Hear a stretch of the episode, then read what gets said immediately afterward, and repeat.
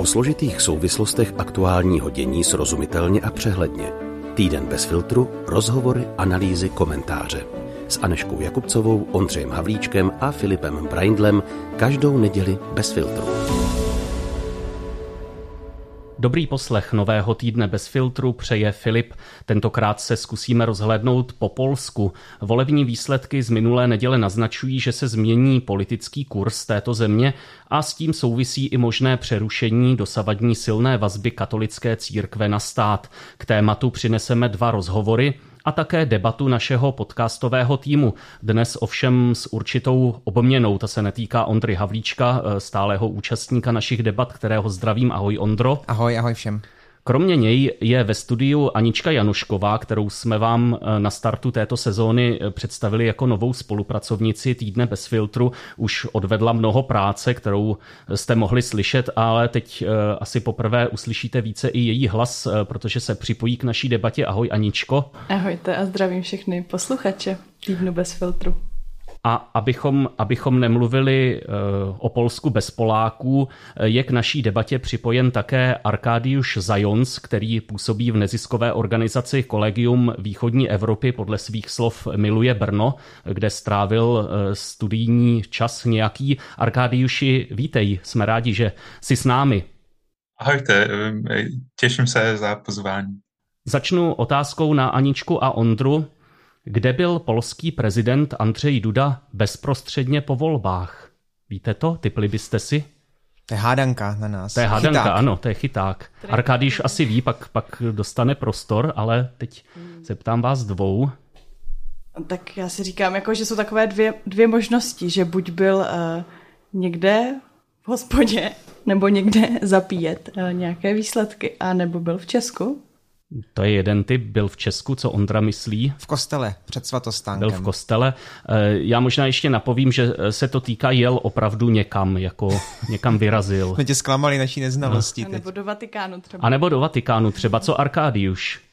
Jo, já právě nevím, to je jako teď překvapení, že akorát Polák neví. Ale myslím, že ten typ, že byl v hospodě, to je takový hodně český. Eh, Hospoda, hospoda tedy převažuje, ale byl to opravdu eh, ten Vatikán, eh, protože Prezident Andřej Duda se připojil k oslavám 45.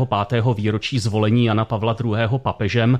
Byla k tomu v pondělí mše ve svatopetrské bazilice ve Vatikánu a mě na tom zaujal právě ten, ten moment, to načasování, že v neděli byly volby a pak v, v pondělí tohle výročí, ale e, zároveň mi přijde, že to právě něco signalizuje. Těžko bych si to dovedl představit u nějakých našich e, představitelů. Tak jak to je? Arkadiuši, jak silná je ta vazba katolické církve a státu, jakou třeba by schytal Andřej Duda kritiku, pokud by u toho hrobu Jana Pavla II. v ten den nebyl?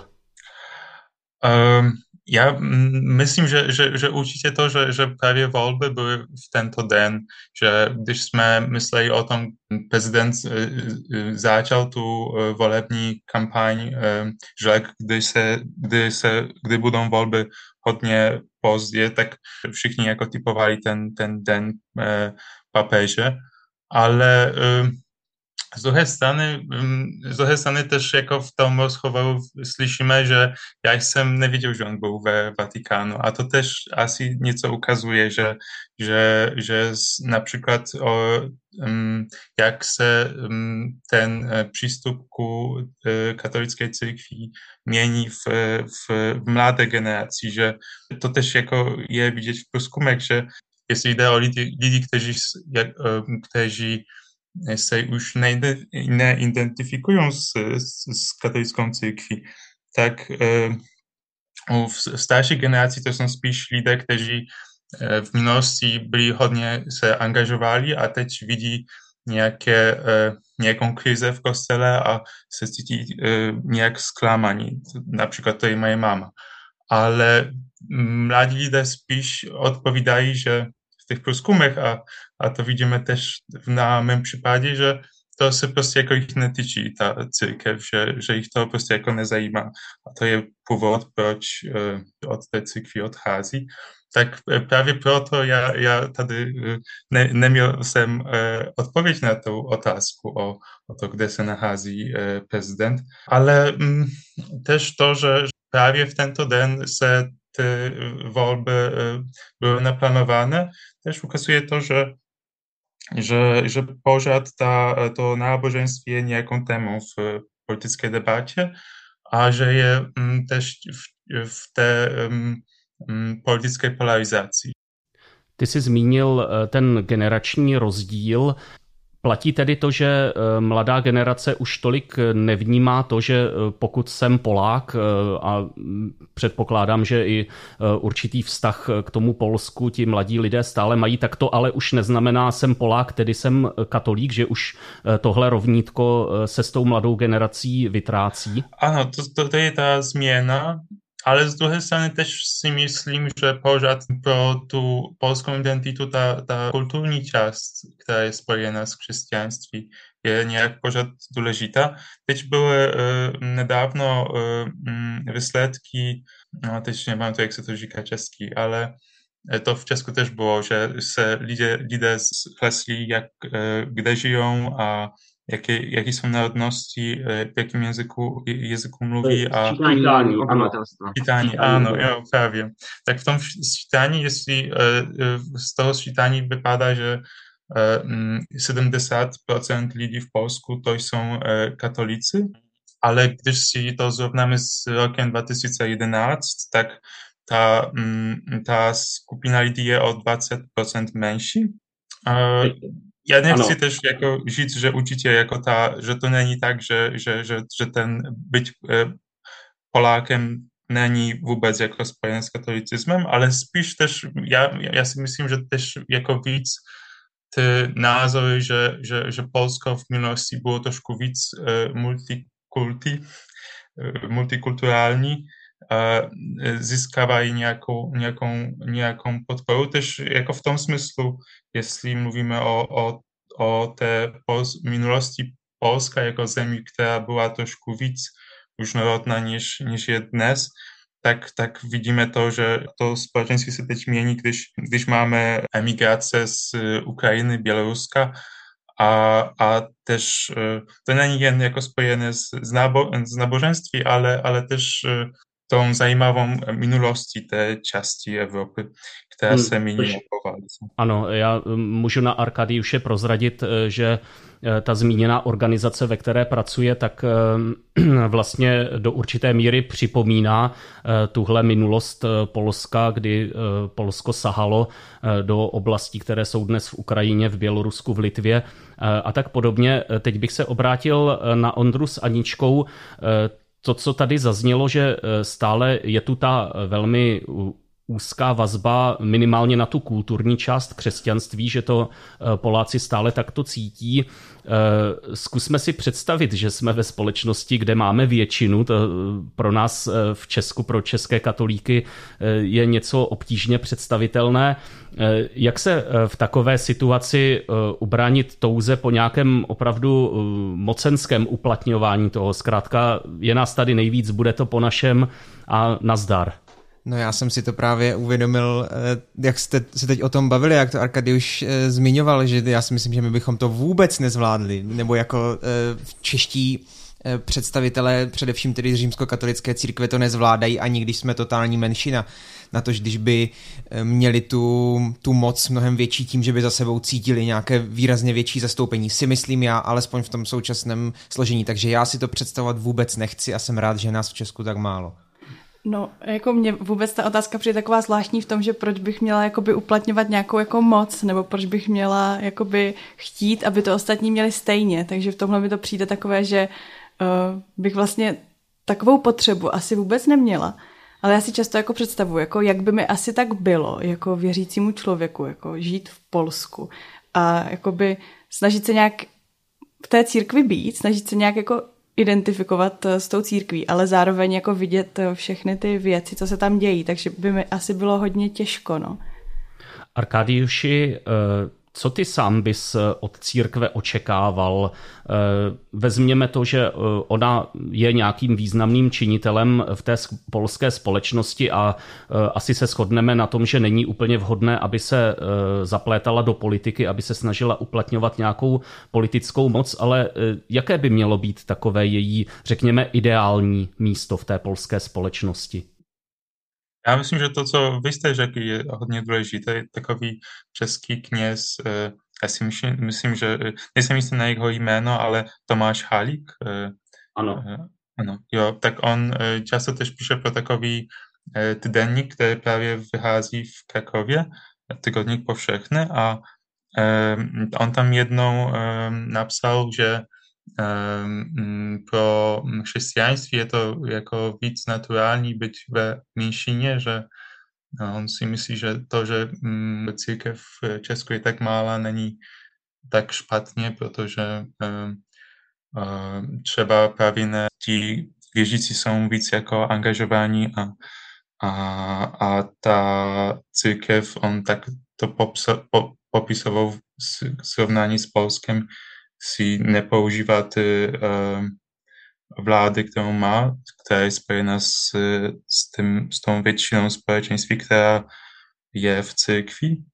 Mm, to je asi něco, co, co, co si myslím, že Poláci si často se koukají na Česko a, a, a chtějí mít všechno, co je v Česku, tež v Polsku. Asi někteří katolíci by v Polsku tež chtěli, aby, aby církev se necítila tak uh, hrdě. Też jsem se koukal na takový průzkum, s, s čím se lidé v Polsku nesouhlasí, jestli jde o to, co dělá církev a tam většina lidí, no, opravdu nějak 80% e, říkala, že se úplně jako nesouhlasí s tím, aby mm, například kněz v, v kostele říkal, na koho by měli, koho by měli volit jeho e, lidé, kteří jsou v kostele a a mm, to je zajímavé, že tam až tak e, mm, nebylo tolik lidí, kteří by nepodporovali e, religii v, ve škole. To je też nějaká politická téma, kterou teď ta nová vláda chce měnit. A... Hmm, tedy výuka náboženství. Eh, o tom, o tom je teď řeč. Výuka náboženství ve školách. Hmm. hmm. To, co, to, co spojí celé Polsko, já myslím, podle toho průzkumu, to je to, že, že, že ta, to angažování kostela, eh, církví v, v politiku, eh, to se Polákům vůbec jako to jako všichni mají dost podle toho průzkumu. My se teď přesuneme k rozhovoru. Je zajímavé, že v něm padne třeba jméno týgodníku povšechného a e, je to rozhovor s naším hostem, ve kterém chceme e, dále otevřít e, tu otázku, jakou proměnou prochází Polsko, pokud jde právě o nějaké náboženské cítění, náboženské praktikování anebo vnímání katolicismu jako součást polské identity.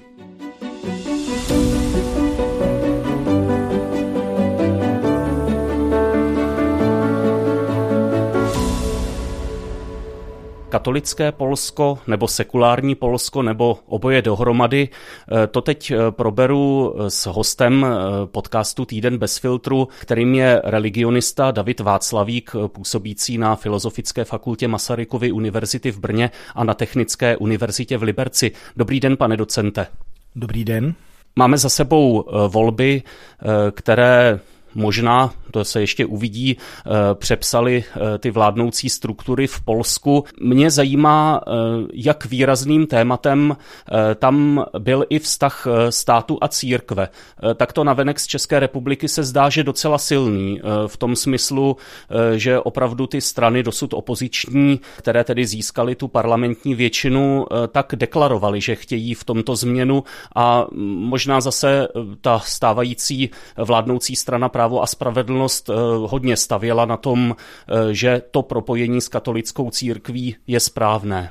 Um, ona ta situace opravdu trošku jinak vypadá, když se na ní díváte zvnějšku a jiná je, když ji znáte trošku zevnitř. Zaprvé je potřeba si uvědomit, že eh, ta vítězná, řekněme, trojkoalice není úplně jednotná. Asi nejradikálnější postoje vůči katolické církvi zastává ta její část, která nese název levice, která opravdu jde vlastně ve šlépích takové té progresivistické západní levice, která nese celou řadu témat, které minimálně jako se dostávají do střetu s katolickou církví.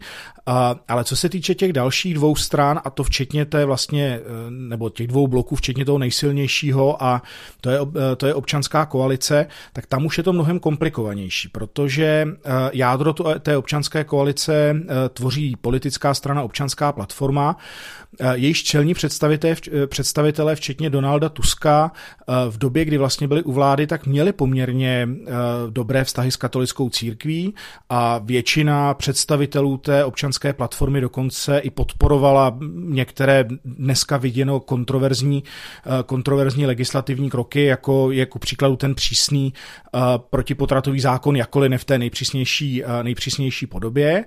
A je poměrně zaznamenáno nebo zdokumentováno, zejména na regionální úrovni, že skutečně to propojení bylo, řekněme, v mnoha ohledech poměrně intenzivní, stejně jako v případě práva a spravedlnosti. A ten třetí subjekt, tu takzvanou třetí cestu zase tvoří několik subjektů a jednou z nich je Polská lidová strana, která je jako tradiční, vlastně můžeme říci konzervativní stranou polského venkova a její vazby ke katolické církvi jsou zase jako poměrně silné, poměrně tradiční. Takže ono je to jako, jako trošku komplikované. Je potřeba ale říci, že v těch posledních volbách přece jenom došlo uh, u uh, mnoha těch subjektů, uh, které měly relativně blízko ke katolické církvi, a teď myslím těch opozičních subjektů, k jistému obratu. Donald Tusk a jím vedená občanská koalice vyhlásila takový ten stobodový program na prvních 100 dní a mimo jiné do něj tedy jak si inkorporovala na poměrně vysokém místě to, že dojde k uvolnění protipotratové legislativy. Ono je to dáno tím, že ty strany, a teď tím myslím zejména právě občanskou platformu nebo celou tu občanskou koalici, byly nuceny vlastně reflektovat poměrně výrazný trend, který je možné v polské společnosti sledovat zhruba někde od roku 2015 v takové té intenzivnější podobě. A to je velmi výrazný odklon od katolické církve spojený s veřejnou kritikou této církve. A to zejména v těch oblastech, které my bychom asi označili jako klerikalismus, to znamená propojování té politické veřejné sféry.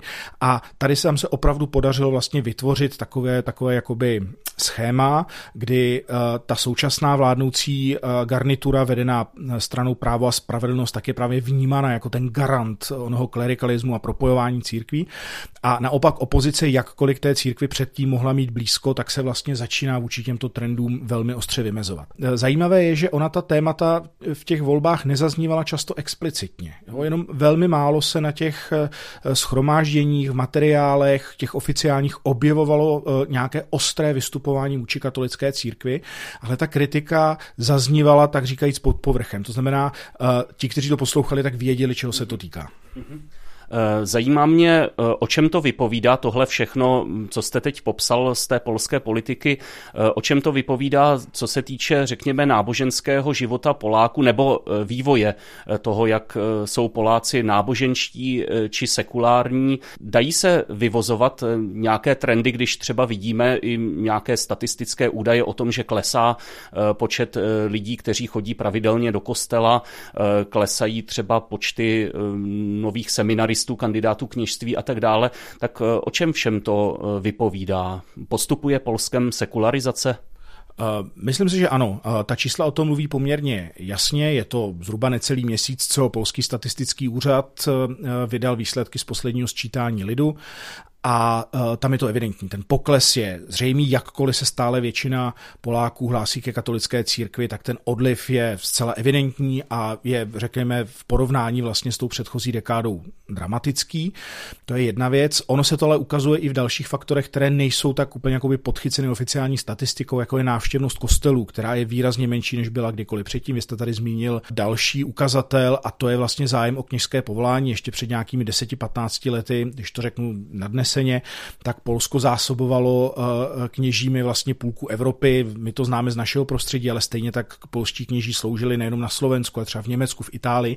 A dneska dochází nejenom k tomu, že celá řada seminářů se zavírá, protože nemá, nemá kněží, ale samotné polské dieceze se dostávají do velmi vážné situace, protože se jim prostě nedostává, nedostává kněží a oni začínají mm, stahovat vlastně ty polské kněží, kteří působili, působili v zahraničí. Jak je tam je celá řada faktorů. Zároveň je potřeba říct, že Polsko je v porovnání s českou společností velmi diferencovanou společností. Zatímco u nás ty rozdíly mezi venkovem a městem jsou v zásadě setřené, tak v Polsku jsou to rozdíly stále velké. Ten venkov je konzervativní, pozice katolické církve je tam relativně silná, kdežto situace ve městech, v těch větších městech, okresních, krajských nebo těch velikých eh, městech, tak tam se hodně podobá situaci, kterou známe i třeba od nás. Mm-hmm. A druhá věc je, že Polsko, a zase to ukázaly i výsledky eh, těch posledních voleb, ono je rozděleno i regionálně. Západ, sever je více, eh, řekněme, liberální, prozápadní a více kritický ke katolické církvi, kdežto, kdežto východ, zejména jihovýchod, je velmi konzervativní a tam se ta situace nemění. Nicméně obecně z těch statistik je možné říci, že dneska je Polsko z hlediska dynamiky vlastně nejrychleji se sekularizující zemí Evropy. E, lze i tak e, mluvit o nějakém e, polském specifiku ve smyslu nějakého identitárního katolictví, které se buď rozvíjí nebo udržuje nezávisle na tom praktikování víry, což v Polsku může být silné a může to být i současné, třeba ve vztahu ke kultu Jana Pavla II. a podobně? Ono se to asi bude měnit. Eh, máte pravdu to eh, v tom, že nejenom v tom středoevropském kontextu, ale v tom evropském kontextu je polská národní identita velmi výrazně spjatá s náboženstvím a asi bychom našli málo obdob v, eh, v Evropě, které takto úzce tu národní identitu spojují s nějakou konkrétní denominací nebo s nějakým konkrétním proudem. Ještě třeba před těmi 10-15 lety se zdálo, že opravdu bude platit ten slavný Mickievičův výrok, na kterém si Poláci zakládali a to je totiž to, že Polák je katolíkem a jenom, a jenom katolíkem může být Polák ale eh, ta situace se velmi rapidně mění. Já si myslím, že to bude jedna z velkých otázek ta otázka identitární, co to vlastně znamená být Polákem. A už dneska vidíme eh, v, zejména mezi tou mladou generací, že eh, je to věc, kterou oni vnímají jako velmi kriticky. Skoro bych řekl, že v některých eh, skupinách nebo vrstvách je toto spojování katolicismu s tím být Polákem vnímáno velmi nelibě a je to vnímáno vlastně jako jakýsi překonaný stereotyp. Znova ale podotýkám, ono se to týká zatím jenom části té polské společnosti. Na venkově v těch konzervativnějších částí to propojení je stále velké a ono to bylo i vidět vidět zase v té předvolební kampani, takže eh, ty strany, jako bylo právě právo a spravedlnost, nebo eh, strana, která někdy bývá označována jako postfašistická nebo neofašistická, a to je konfederace, eh, tak velmi silně zdůrazňovala právě to sepětí katolicismu s polskou identitou a držela se vlastně tohle toho, řekněme, vzorce. Eh, my spolu hovoříme v době, kdy eh, do českých kin eh, vstupuje film Hranice, který je tedy dílo polské režisérky Agněšky Holandové, popisující situaci uprchlíků na polsko-běloruské hranici, velmi ostře kritizovaný právě ze strany té dosavadní, těch dosavadních vládních politiků, kteří tedy zároveň se hlásí k tomu katolicismu. Mě na tom zaujala věc, že tento film byl oceněn nebo převezme ocenění na jednom eh, filmovém festivalu, na kterém se podílí i Vatikán. Bude vlastně eh, promítán ve Vatikánu eh, v listopadu. Je to festival, který inspiroval, jehož založení inspiroval Jan Pavel II. To je takový, takový paradox. Tak mě to trošku přivádí k otázce, jestli zároveň ten katolicismus, ke kterému se upíná ta polská vládní garnitura, je vlastně totožný s tou dynamikou, kterou v současnosti ta katolická církev jako taková prochází? No, eh, ona to je asi jako, řekněme, otázka více globálního zaměření, protože eh, rozhodně, řekněme, to napětí mezi jistými trendy ve vedení současné katolické církve a řekněme těmi církvemi, církvemi v úzovkách národními nejsou jenom polským specifikem. My vlastně tohle napětí můžeme docela dobře sledovat i v České katolické církvi a na Slovensku. Ale je pravda, že eh, ta polská katolická církev určitě patří k těm, eh, řekněme, nejvýraznějším a nejsilnějším kritikům eh, toho, hm, nevím, jestli je to úplně vhodný výraz, takže bych se ho znovu dovolil dát do uvozovek jakéhosi liberalizujícího proudu reprezentovaného dnešním papežem Františkem. Františkem. Domnívám se, že tohle to bude jedno z velkých témat, které bude katolická církev řešit. Že si nakonec bude muset položit otázku stejně tak jako katolická církev u nás nebo na Slovensku, jakým způsobem bude schopná buď oslovit, znovu oslovit vlastně ti, kteří odešli a zároveň zastavit ten, ten odchod zejména některých segmentů, které jsou ale pro ní do budoucna velmi důležité. To jsou zejména mladí vzdělaní, mladí vzdělaní lidé. To bude jedna z velkých otázek. Možná jenom taková drobná poznámka. Ono se ukazuje, když jste tady zmínil ten film Agněšky Holand, že obecně ta filmová tvorba v těch společenských diskuzích v Polsku hraje naprosto jako velmi významnou roli. Nejde jenom o ten film Hranice, který vyvolal uh, obrovské diskuze, ale jde třeba o diptych bratrů Sjekelských, eh, eh, dokument, který oni natočili, nebo dva dokumenty, které vlastně natočili od roku, deva, myslím, že 2000, 16 měl eh, premiéru ten první a asi rok nebo dva eh, poté ten druhý, který se vlastně věnuje problému, který do jisté míry, eh, řekněme, minimálně viditelně rozhoupal celou tu diskuzi na téma katolické církve a to je sexuální obtěžování, to byl ten první díl a ten druhý vlastně zametání pod koberec celé té problematiky. A ta diskuze byla velmi vypjatá, velmi podobná jako diskuze kolem, kolem toho filmu Holandové, včetně toho, že některá městská nebo obecní kina, která byla vlastně ve zprávy samozpráv vedených pisem eh, zakazovala ten film, eh, zakazovala ten film promítat, takže nakonec bratři Šekelští sáhli vlastně k velmi revolučnímu kroku a film zveřejnili na YouTube a dali ho zadarmo a ten film měl neuvěřitelné množství zhlédnutí. Pojďme zpátky eh, k tomu, jak eh, vlastně sama církev eh, na ten vývoj reaguje. Vnímáte tam, tedy v té polské katolické církvi, nějaký proud, který tuhle situaci reflektuje v tom smyslu, musíme se připravit na to, že tu většinovou roli hrát nebudeme, snad je to i dobře, pojďme se zbavit těch, těch vazeb se státem, které nás v něčem limitují. Já jsem třeba něco takového zaznamenal, měl jsem možnost možnost být eh, při papežské návštěvě v Budapešti a tam jsem hovořil eh, s některými maďarskými novináři, kteří říkali, že tímhle třeba do jisté míry prochází teď katolická církev v Maďarsku, eh, kde ty vazby taky byly. Tak existuje nějaký relevantní prout uvnitř té katolické církve? Určitě. Polská katolická církev jako katolická církev kdekoliv na světě není žádným jednolitým monolitem. Jo. To je velmi živý, velmi diferencovaný prout. My samozřejmě vidíme ten, tu, tu jeho oficiální tvář reprezentovanou zejména episkopa, eh, episkopátem, eh, případně nějakými úzkými spolupracovníky s tím současným režimem, jako je, jako je Páter Ridzik, ale eh, v té polské katolické církvi stále existuje a řekl bych viditelný, slyšitelný a stále zatím relativně vlivný prout, řekněme, katolických intelektuálů, eh, zejména třeba soustředěných kolem eh, eh, časopisu Tygodník, po všechny, což je tradiční katolický týdeník, který vychází jako z krakovské tradice vlastně relativně otevřené katolické, katolické církve na celé řadě i e, univerzit, včetně, e, včetně třeba univerzit katolických, jako je Univerzita kardinála Višinského v, ve Varšavě. Najdete vlastně celou řadu intelektuálů, kteří mají výrazně kritický postoj k tomu, co se odehrává. Ten problém spíš spočívá v tom, ne, že by nebyl, ale že to jsou skupiny, které z hlediska, řekněme, nějakého mocenského rozvrstvení v té katolické církvi se, eh, se nacházejí na jejím okraji. Ona je vlastně eh, jako minimálně ty struktury, protože katolická církev je prostě hierarchicky uspořádána, ten episkopální princip má nějaká pravidla, tak z tohoto hlediska oni mají eh, v těch oficiálních strukturách relativně vlastně malé možnosti nebo omezené možnosti, jak se prosadit. Ale jako rozhodně jsou tam proudy, které bych řekl, že mají rozmyšlené, co dělat dál a, a hledají alternativní cesty. Poslední otázkou eh, se vrátím eh, k té k současnému Polsku povolebnímu. Eh, vy už jste mm, nakousl to, že ta koalice stran, které získaly tu parlamentní většinu, zdaleka není jednotná i v této otázce, jak, jak postupovat, jak budovat ten vztah k církvi. Očekáváte, že se může v budoucnu Polsko na něčem takovém takzvaně zaseknout, že třeba vyvolá teď, teď už opravdu jako hodně spekuluji třeba vládní krizi to, že na stole bude nějaký požadavek liberalizovat potraty, něco, něco udělat v oblasti, ke které se tradičně vyslovuje církev. Může něco takového nastat?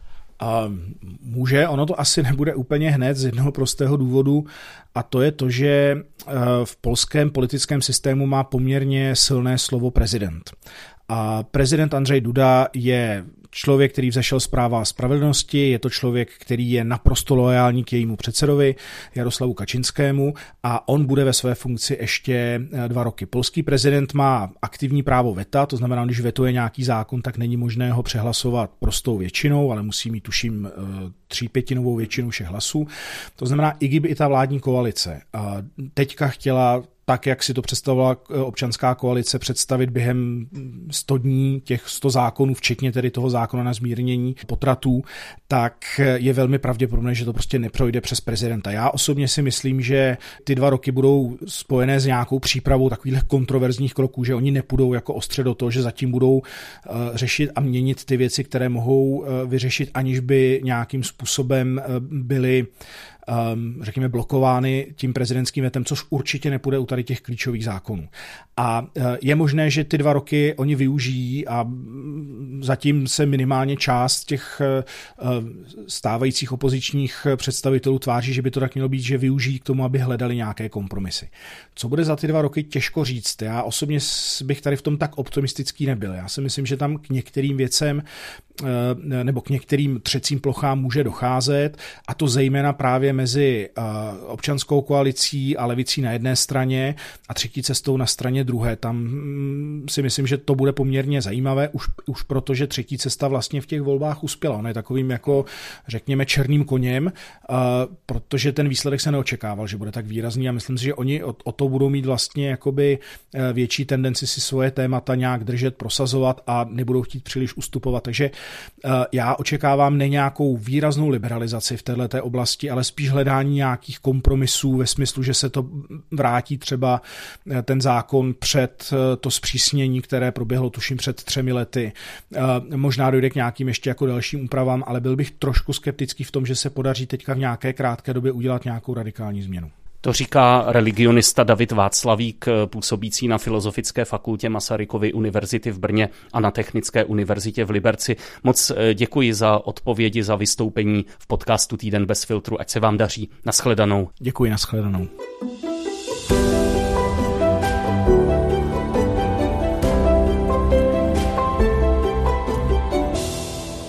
Pojďme eh, se zastavit u jedné věci, eh, která zazněla v rozhovoru, eh, kde David Václavík zmiňoval, že Polsko je zemí, kde ta sekularizace, ten odklon od náboženství tady v tom našem středoevropském prostoru probíhá nejrychleji ze všech zemí.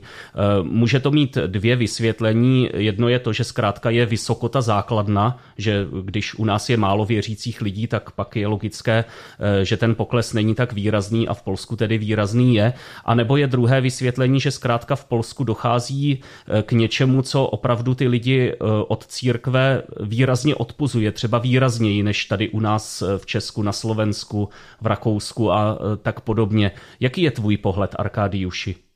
A jo, já se s tom jako musím souhlasit, že to je určitě kvůli tomu, že ta změna je velká, protože tež jako ta um, účast lidí v V církvi byla velká a, a też była hodně důležitá pro ty změny, které, které e, v, ve střední Evropě zvládli udělat, konec komunismu. Vůbec bych že papež Jan Pavel II je takovým polským hrdinom a v té církvi to, to byl takový prostor, kde ti lidé, když ne, nebyli věřící, mohli spolu nějak e, spolupracovat a protestovat proti komunistické vládě. Tam byla velká důvěra a i hmm. proto też je, je ta skupina lidí, kteří hodně věřili v, v ten, tu církev a a ona se ukázala, no, že, že má nějaké chyby. A tady też jako se, je to jako to nowe, nowa generacja, która już e, ne, e, którą już to jako po prostu nie zajímá. A to też jako, ja myślę, że to jest to, to hlavne, proč ta sekularyzacja jest tak rychla. Pro nas papež Jan Paweł II to je mem a e, to není žaden, žádná autorita. Je, to je víc jako něco vtipného, z kterého člověk, z kterého mladí lidé si často prostě jako velkou srandu. A to też jako pochází od toho, že, že v takový úplně jako e, nekritický způsob e, e, to naše, naše generace byla jako tlačena, že to je náš hrdina a já myslím, že opravdu byl pro, pro generace mé máme, ale že my už jako trošku toho nerozumíme a, a, ta, a ten v propagování eh, toho eh, Jana Pavla II. Eh, skončil se, se tím, že, že, že opravdu, když, kdybyste jako se potkali s nějakým Polákem, který je v mém věku, tak, tak to Jan Pavel II. to jsou jen mémy a, a, a nijak spojené s tím, kým Jan Pavel II. byl. Rozumím. Zastavil bych se ještě krátce s Ondrou a Aničkou Eh, u jedné věci, eh, kterou ty si Arkádiuši zmiňoval už před rozhovorem a David Václavík, to snad mohu prozradit, eh, mi ji řekl, myslím, mimo nahrávání, že vlastně vnímá stejně jako říkal Arkádiuš, že řada Poláků vlastně k Česku vzhlíží, že je to docela zajímavé a že se to děje i uvnitř té katolické církve, že vlastně trošku paradoxně jsou i polští katolíci, kteří tak nějak jako si říkají, kdybychom to měli tak, tak jako v Česku, tak by to bylo fajn. Co vy na to? No, mě je tady trošku asi líto to, že mně přijde, že Češi to mají trošku v tomhle naopak, že, na, že jakoby naopak k tomu Polsku vlastně v tomhle směru vůbec nevzhlíží, že to často taky si z toho dělají srandu. A když už si z toho nedělají srandu, tak eh, spíš jakoby mlčí, no, tak je hezké, že k nám Poláci vzhlíží, ale je mi to i trochu líto z té strany, jakou jsem řekla, no. Já jsem si přitom vzpomněl na debatu, kterou jsme teď vedli ekumenickou v Olomouci, a která vyjde u nás v podcastech. A tam padlo, eh, a směřovalo to k české církvi, ale myslím, že se to vlastně teď hezky promítá i do toho, o čem se bavíme o té polské.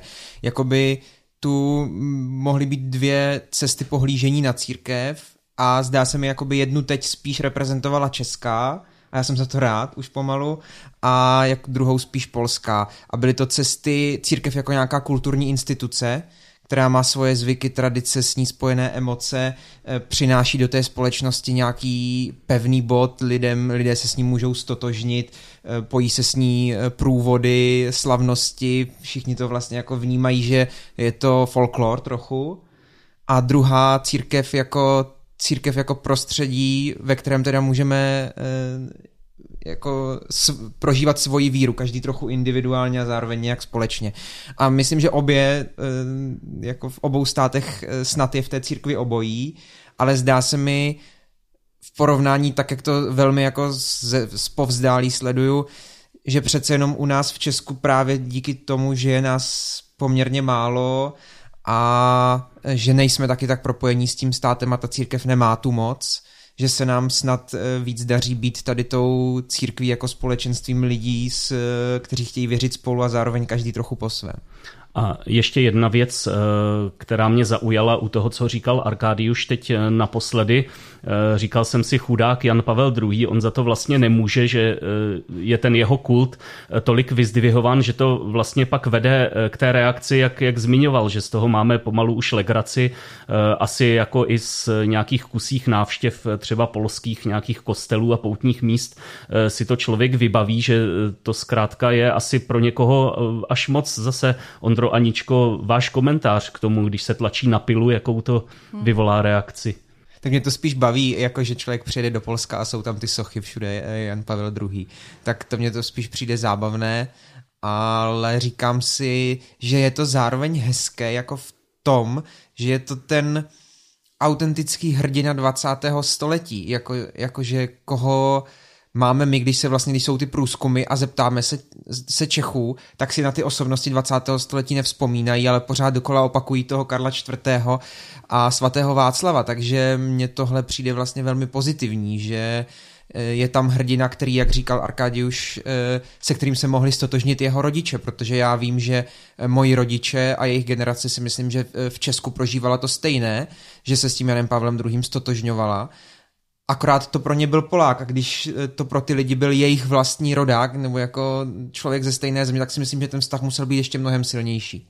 No mě to jako přijde taky zajímavý tady ten kult osobnosti, který se tam vlastně vytvořil, ale občas eh, já už jsem vlastně, nebo já jsem v Polsku několikrát byla, konkrétně teďka v létě jsem tam byla na jako více týdenní dovolené a fakt ten odkaz Jana Pavla II. je tam tak nějak všude, až mi to občas připadalo takové jako skoro ve skanzenu, že sice mi to přijde jako hezké takhle k někomu vzhlížet, ale potom právě když se přijde na nějaké ty problémy, které třeba v té době byly, eh, tak eh, to potom eh, vzbuzuje jako tím radikálnější emoce jak na té jedné, tak na té druhé straně, nebo tím jakoby horlivější emoce, což se vlastně děje.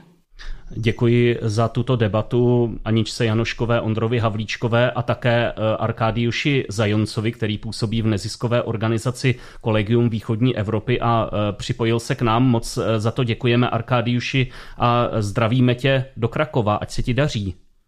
Děkuji moc, zdravím plno na krásnou Moravu. To byl trošku ostrý předěl daný tím, že se nám zrovna přerušilo spojení, ale eh, s Arkadiušem jsme se rozloučili a budeme pokračovat v bonusové části. Eh, pokud eh, nejste ještě našimi předplatiteli, tak budeme rádi, když se jimi stanete a bližší informace najdete na webu Hero Hero, psáno herohero.co lomenu bez filtru bonusy, psáno dohromady.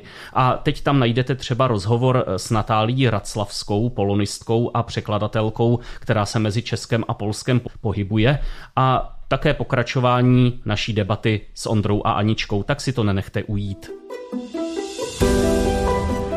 Bez filtru. O zásadních věcech otevřeně a bez předsudků. Najdete nás v podcastových aplikacích na Facebooku, Twitteru a Instagramu bez filtru pomlčka podcast. Chcete nás podpořit? Info na webu bezfiltrupodcast.cz.